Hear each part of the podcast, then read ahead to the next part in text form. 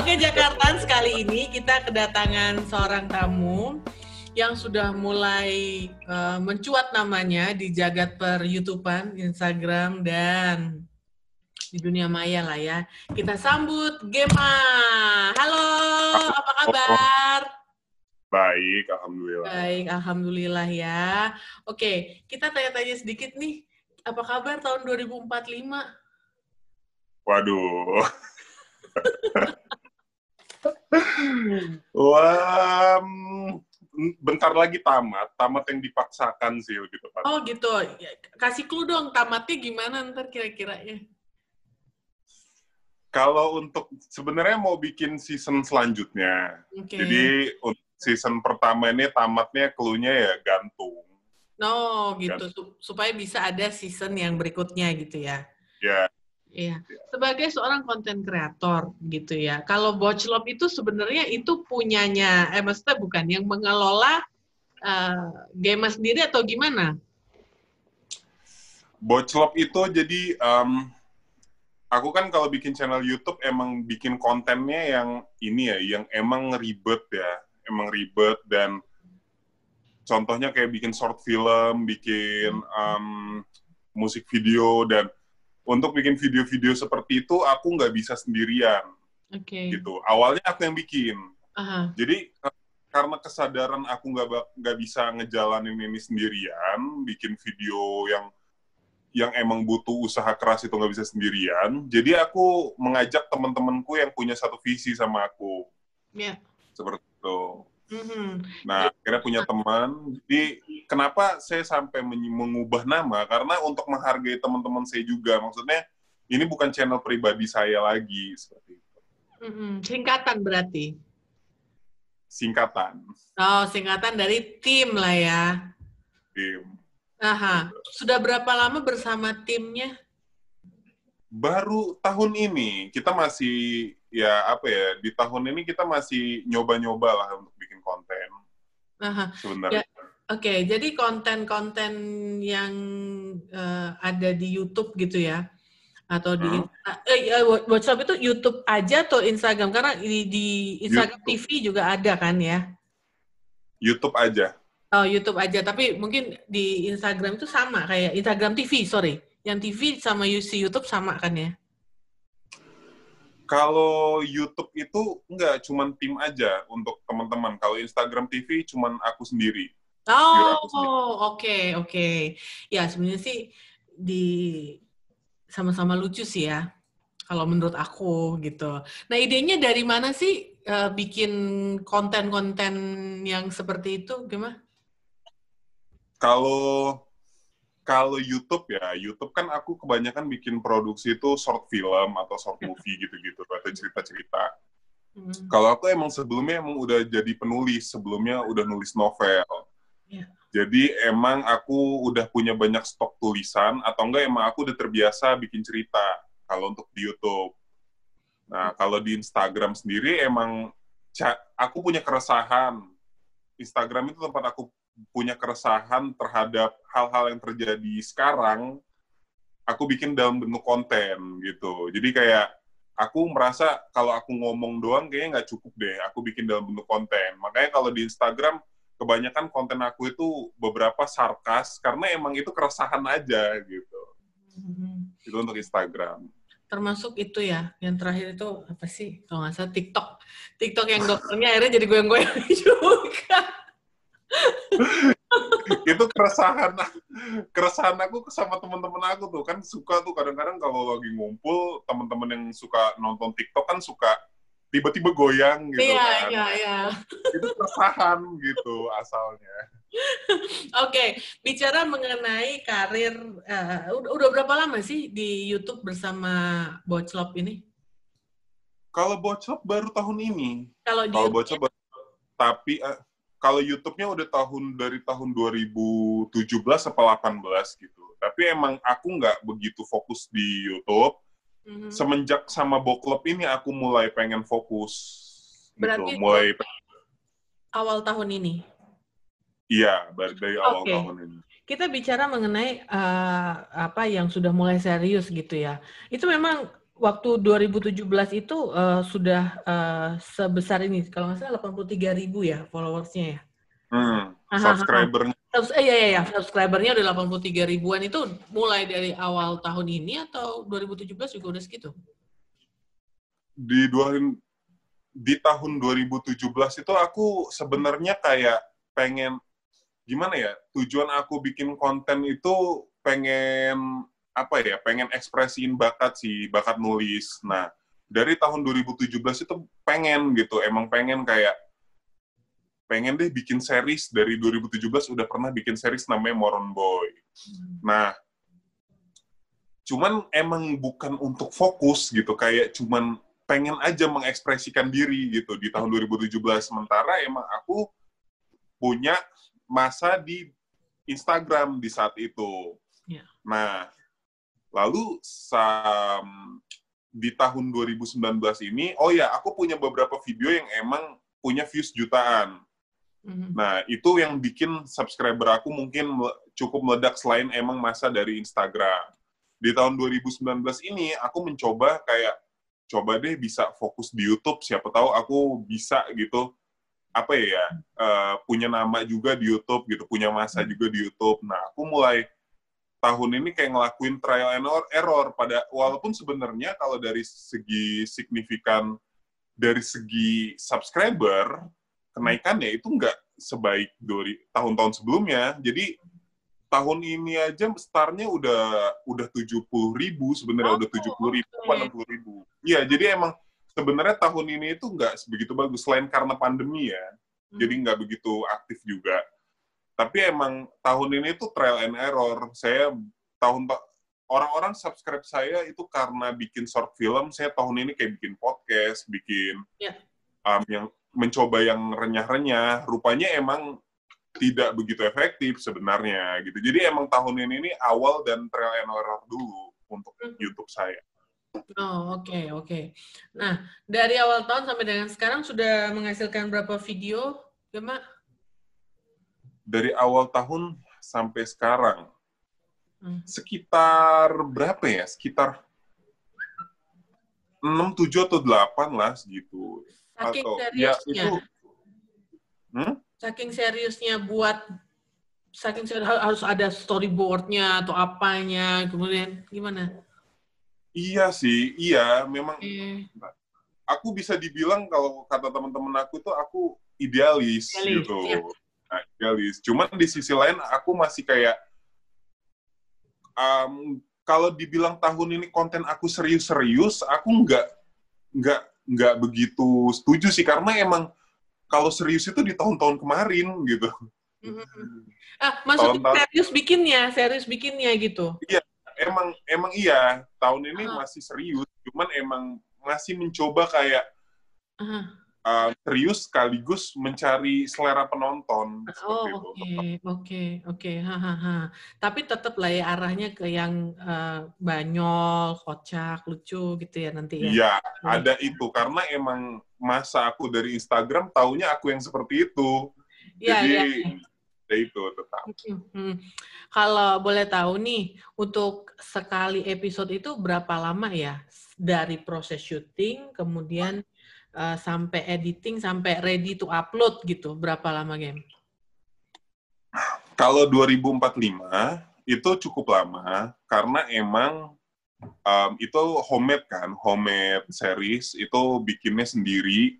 Mm-hmm. Kita nggak bisa ajak banyak teman. Mm-hmm. Jadi kalau di baru produksi doang itu bisa dua minggu kak untuk satu, satu. episode. Oke, okay.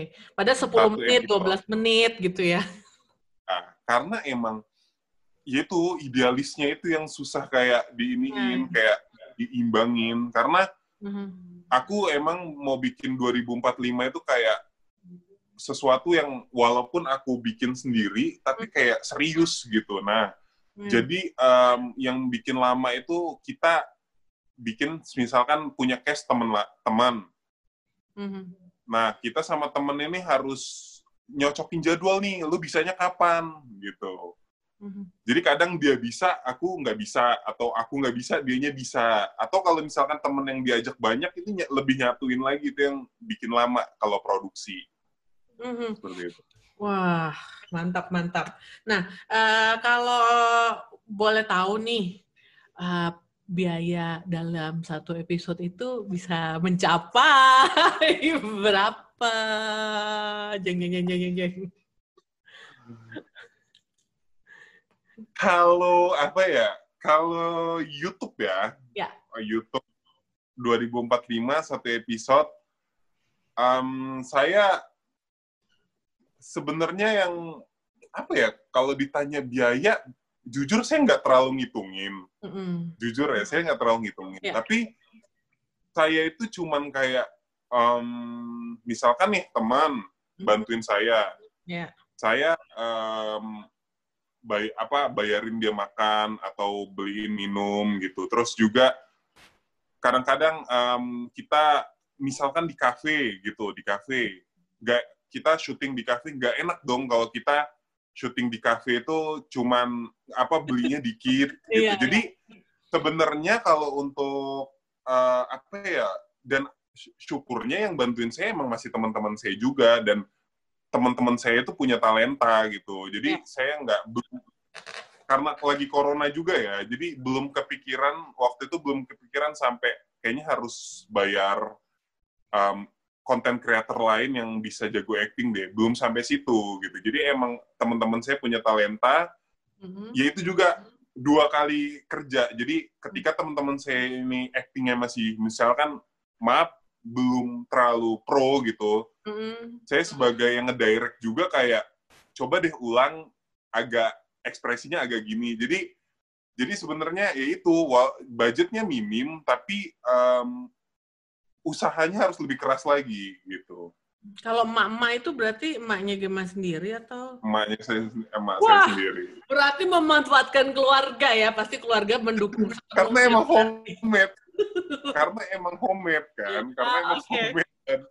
Iya gitu, memanfaatkan lagi pandemi. Hmm, berarti dengan dengan dengan budget yang sangat minimal begitu ya, Gema ya? Minimal Mm-hmm, mm-hmm.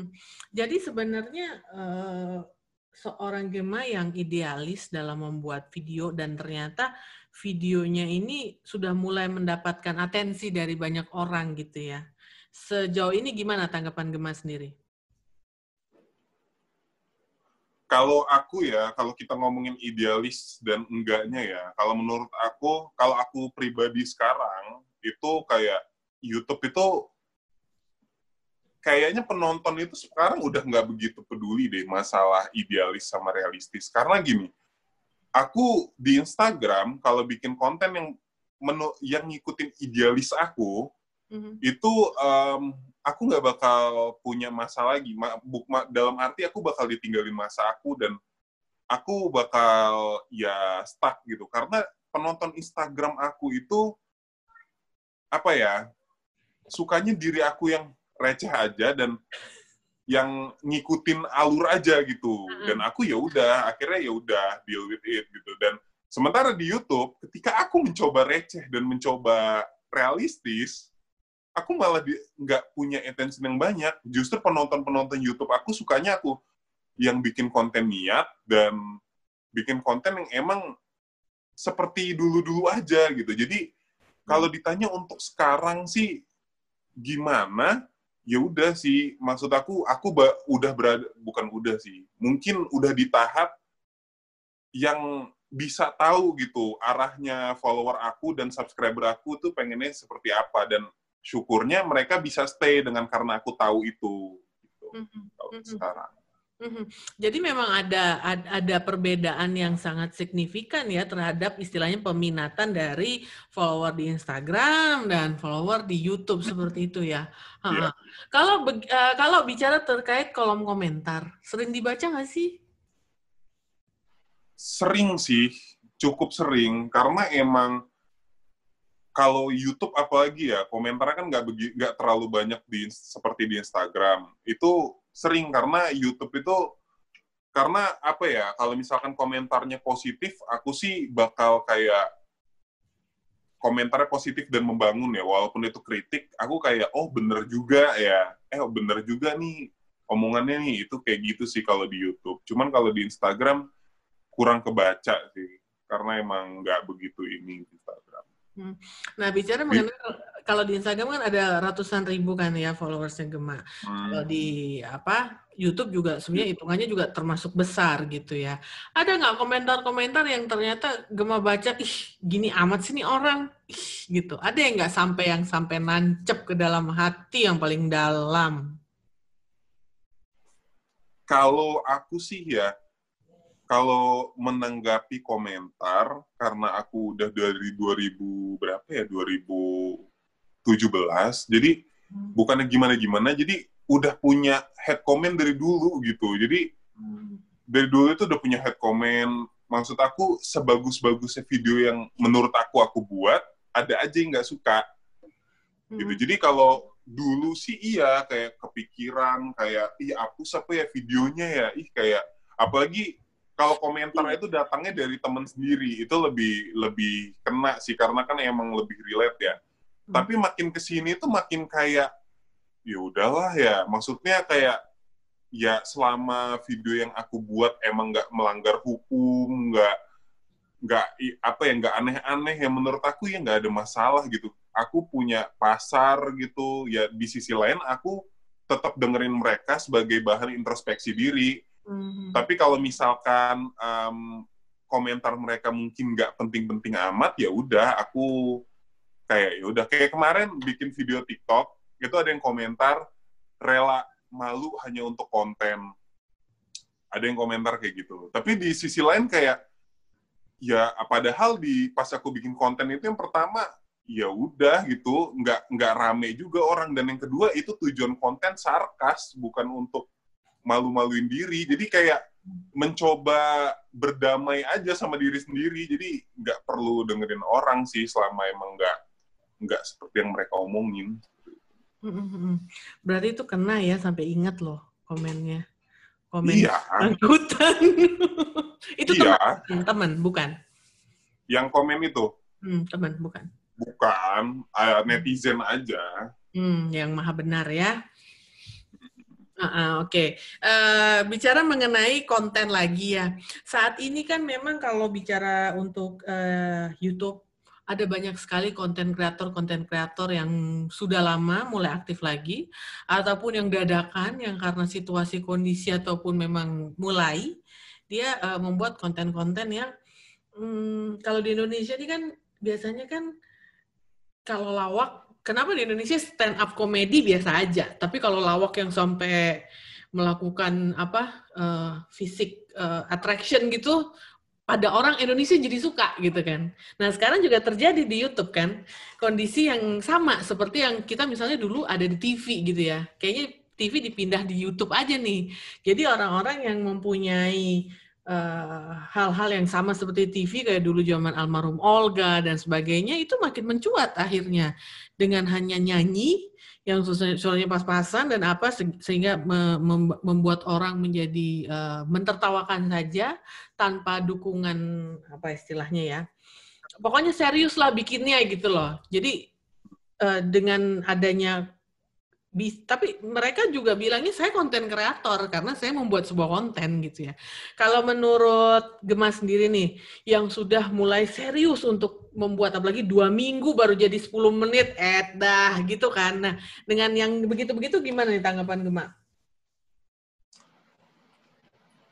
Gimana ya, sebagai konten creator itu kan sebenarnya menurut pribadi aku sebenarnya kita itu selalu ada ruang atau selalu ada penonton untuk konten-konten yang emang bikinnya niat menurut aku tapi kita nggak bisa nggak bisa menafikan lah kalau misalkan adanya uh, artis-artis yang masuk ke YouTube atau ya yang TV-TV masuk ke YouTube itu emang berpengaruh sama konten creator seperti kita. Jadi kalau aku sih ngelihatnya kayak kita kita berusaha aja sih adaptasi gitu. Hmm. Kayak gini, sebenarnya kan konten creator itu konten creator itu cuman butuh uang dan penonton sebenarnya. Iya nggak sih? Dan menurut aku kalau misalkan emang kita nggak bisa lagi dapetin uang dari membuat konten secara idealis lagi, ya kita harus mencari dari sumber lain gitu. Abis itu baru kita bikin konten lagi. Karena ya itu, kalau aku kan emang tujuannya ke film. Kalau aku tujuannya untuk bikin kayak gini itu untuk ke film dan ke dunia yang, aku sih pengennya ke dunia yang lebih profesional, jujur. Jadi aku ya hanya ingin bikin konten, kebetulan ada yang ngikutin, tujuannya ya sebagai portofolio aku juga gitu. Kalau aku itu bisa loh bikin kayak gini sebagai game AU gitu. Jadi um, ya itu kalau misalkan emang nggak punya ruang lagi untuk mendapatkan uang ya di YouTube sebagai idealis aku ya aku harus mencari sumber lain gitu. Contohnya kalau sekarang itu aku ya bikin konten di Instagram mengikuti realistis itu karena emang ya itu ya itu yang mereka mau dan aku mencoba untuk berdamai. Ya udah dapat uang juga dari situ. Sementara untuk idealis hanya di YouTube aja. Jadi sebenarnya kalau ditanya yang salah siapa sebenarnya sistemnya sistemnya gitu. Karena emang YouTube itu udah kayak ladang uang untuk mendapatkan AdSense AdSense. Padahal penghasilan itu bukan dari AdSense doang, walaupun sebenarnya penghasilan pasti YouTube tuh AdSense, gitu. Kan banyak influencer yang bilang sebenarnya ya penghasilan yang paling besar itu dari brand. Brand itu yang paling besar. Aku juga ngerasain brand lebih besar. Tapi um, brand itu kan sesuatu yang apa ya? Sesuatu yang nggak semua brand itu mau ngelihat influencer gitu.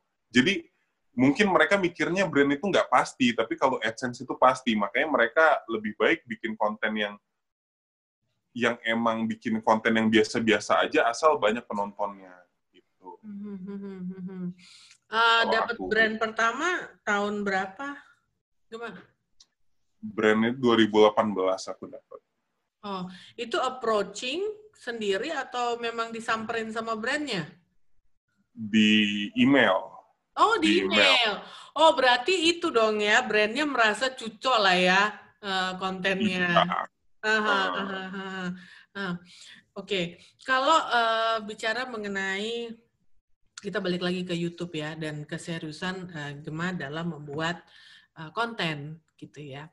Sekarang ada juga orang-orang uh, yang mau bikin konten, mau bikin konten, kemudian bah, uh, bahan ala kadarnya Ya sebenarnya nggak apa-apa juga sih ya. Tapi mungkin Gema ada hal yang mau dikasih saran kepada teman-teman Jakarta yang memang mau bikin konten, tapi gue pengennya sebenarnya yang yang niat gitu bikin kontennya. Apa yang harus gue siapkan? Apa yang harus gue uh, mental apa yang harus gue siapkan gitu?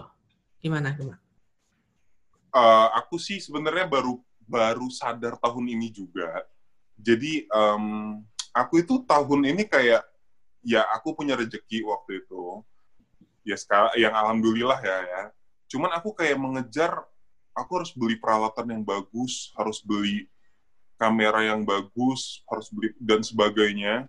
Tapi aku melihat ada konten kreator yang peralatannya biasa aja tapi karena idenya keren banget relate juga sama penonton dia sangat laku dan menurut aku itu sangat berkualitas dan sangat kreatif. So menurut aku kayaknya emang um, peralatan yang bagus itu ketika emang kita emang bikin konten yang niat dengan skrip yang niat dan emang tujuannya untuk apa ya tujuannya untuk sesuatu yang lebih besar lagi makanya sekarang aja aku bikin IGTV hanya pakai kamera handphone karena gini, ini analoginya aja ya, analoginya aja. Aku punya kamera handphone dan aku punya kamera mirrorless. Nah, aku sebelumnya aku pakai kamera mirrorless. Aku pasang berat, capek, dan juga kameranya nggak bisa mirror, kamera apa uh, nggak layar itu nggak bisa ke depan. Jadi aku kalau misalkan syuting harus ngira-ngira, apalagi kalau syuting sendiri, ngira-ngira kira-kira posisinya pas nggak ya gitu ribet, tapi hasil dari visual bagus, bagus, lebih halus. Nah, setelah itu aku nggak berapa lama, aku nyoba deh bikin kamera, bikin video pakai kamera iPhone. Le lebih mudah, lebih simpel, lebih apa ya, lebih lebih mobile lah, lebih mudah juga karena pakai kamera depan juga. setelah saya aku lihat hasilnya, rupanya nggak jauh beda tuh. Maksudnya ya biasa-biasa aja, apalagi untuk konten yang receh gitu. Untuk konten Instagram doang, kayaknya biasa-biasa aja. Justru yang membedakan itu materi doang. Jadi kalau orang punya alat ala kadarnya dibanding kita mikirin ih kamera aku jelek, kamera aku biasa aja. Lebih baik pikirin um, gimana caranya bikin konsep yang bagus dan lebih banyak perbanyak ilmu aja dalam segi kamera karena itu gak ber, bener deh.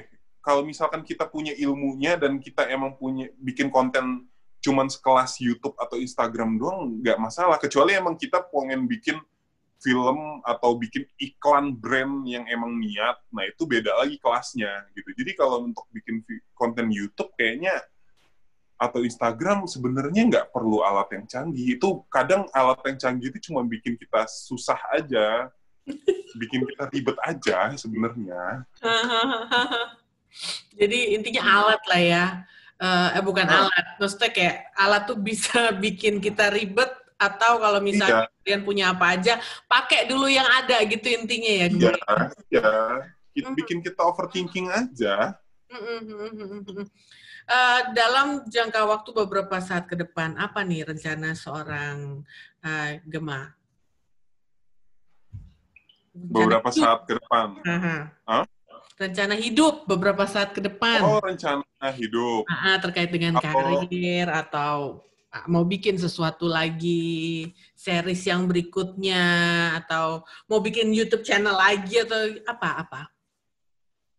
Kalau aku, um, kalau aku pribadi sekarang lagi mencoba um, kayak mengump apa ya bikin kon, tetap bikin konten di Instagram yeah.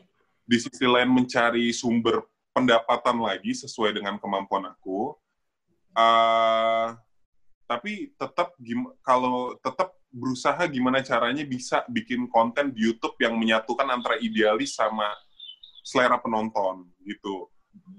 Oke, okay, series mungkin untuk series 2045 udah ada penontonnya, tapi bukan penonton yang itu penonton-penonton aku yang lama seperti itu loh. Aku masih harus mencari cara agar bisa mendapatkan penonton baru dan mereka suka dengan konten aku. Itu sih rencana untuk sekarangnya. Kalau rencana hidup ya sekarang kan aku udah berada di ujung kuliah, ya aku harus kelarin kuliah aku dulu. Nah, kuliah di mana? Apa mau selesai dari apa? Aku kuliah di UIN Jakarta hubungan internasional. Oh, oke. Okay.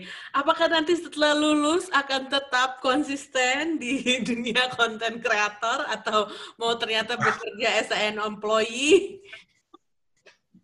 Aku itu pribadi sebenarnya bikin konten di media sosial itu bukan untuk jadi selebgram atau youtuber sebagai youtuber yang yang pengen nggak gimana ya ceritanya ya? Pengennya dikenal karena profesional. Jadi hmm. aku pengen bergerak di dunia profesional yang emang sesuai dengan kemampuan aku. Misalkan contoh aku masuk ke dalam dunia film dan aku pengennya di media sosial pun aku akhirnya diikutin karena aku punya kemampuan itu.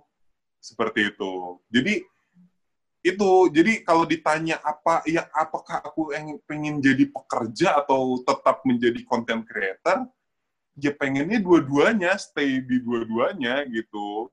Ya maruk sih. Cuman ya ya su suka semua.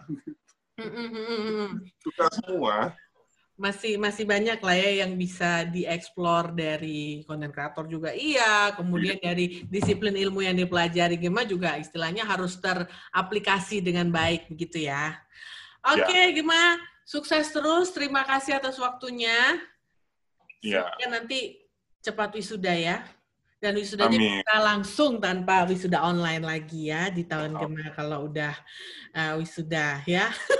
ya kapan sih rencananya wisudanya sebenarnya kalau sidang itu rencananya Agustus oh, sidang. Oke. Okay. Nah, kalau wisuda kan biasanya kalau sidangnya Agustus itu wisuda sekitar November. Iya. Oke, mudah-mudahan katanya wisuda off katanya wisuda offline itu baru ada di 2021. Oh, okay. Tapi itu kan belum tentu belum tentu juga. Nah, itu jadi masih mungkin nanti diskusi sama orang tua juga bagusnya gimana. Oh, oke. Okay. Ya sudah. Ya, yang pastinya pengennya offline sih, karena itu momen. Iya, iya, iya. Momen, ya. ya, momen banget. Oke, okay, yeah. terima kasih ya. Itu tadi Jakartans, interview kita bersama Gema yang sudah punya 83 ribu lebih uh, subscriber di YouTube, kemudian 100 ribu followers lebih di Instagram. Kalau Anda memang berniat untuk menjadi seorang YouTuber atau menjadi seorang selebgram, ikutin cara Gema tadi ya. Tidak perlu barang-barang yang uh, uh, yang mewah-mewah yang kita pikir idealnya itu seperti apa, tapi cukup menggunakan apa yang ada gitu ya Gema ya. Yang penting jalan gitu ya. Hmm, sama perbanyak belajar lah. Oke. Okay. Kalau ilmu, kalau maaf tambahin, Mm-hmm. Kalau apa alat kita seadanya, tapi ilmu kita mencukupi lah. Saya nggak bilang ilmu saya bagus ya, tapi mencukupi, ya bakal bisa kok konten itu jadi bagus. Mm-hmm. mm-hmm. Thank you Gema, sukses ya. Oke okay, Jakarta, itu tadi interview kita. Saya Titi undur diri. Semoga Anda terus sukses ya dengan apa pun yang menjadi rencana Anda ke depan. Bye. Thank you Gema. Halo Jakarta, jangan lupa dengerin podcast diskusi Koran Jakarta hanya di Spotify.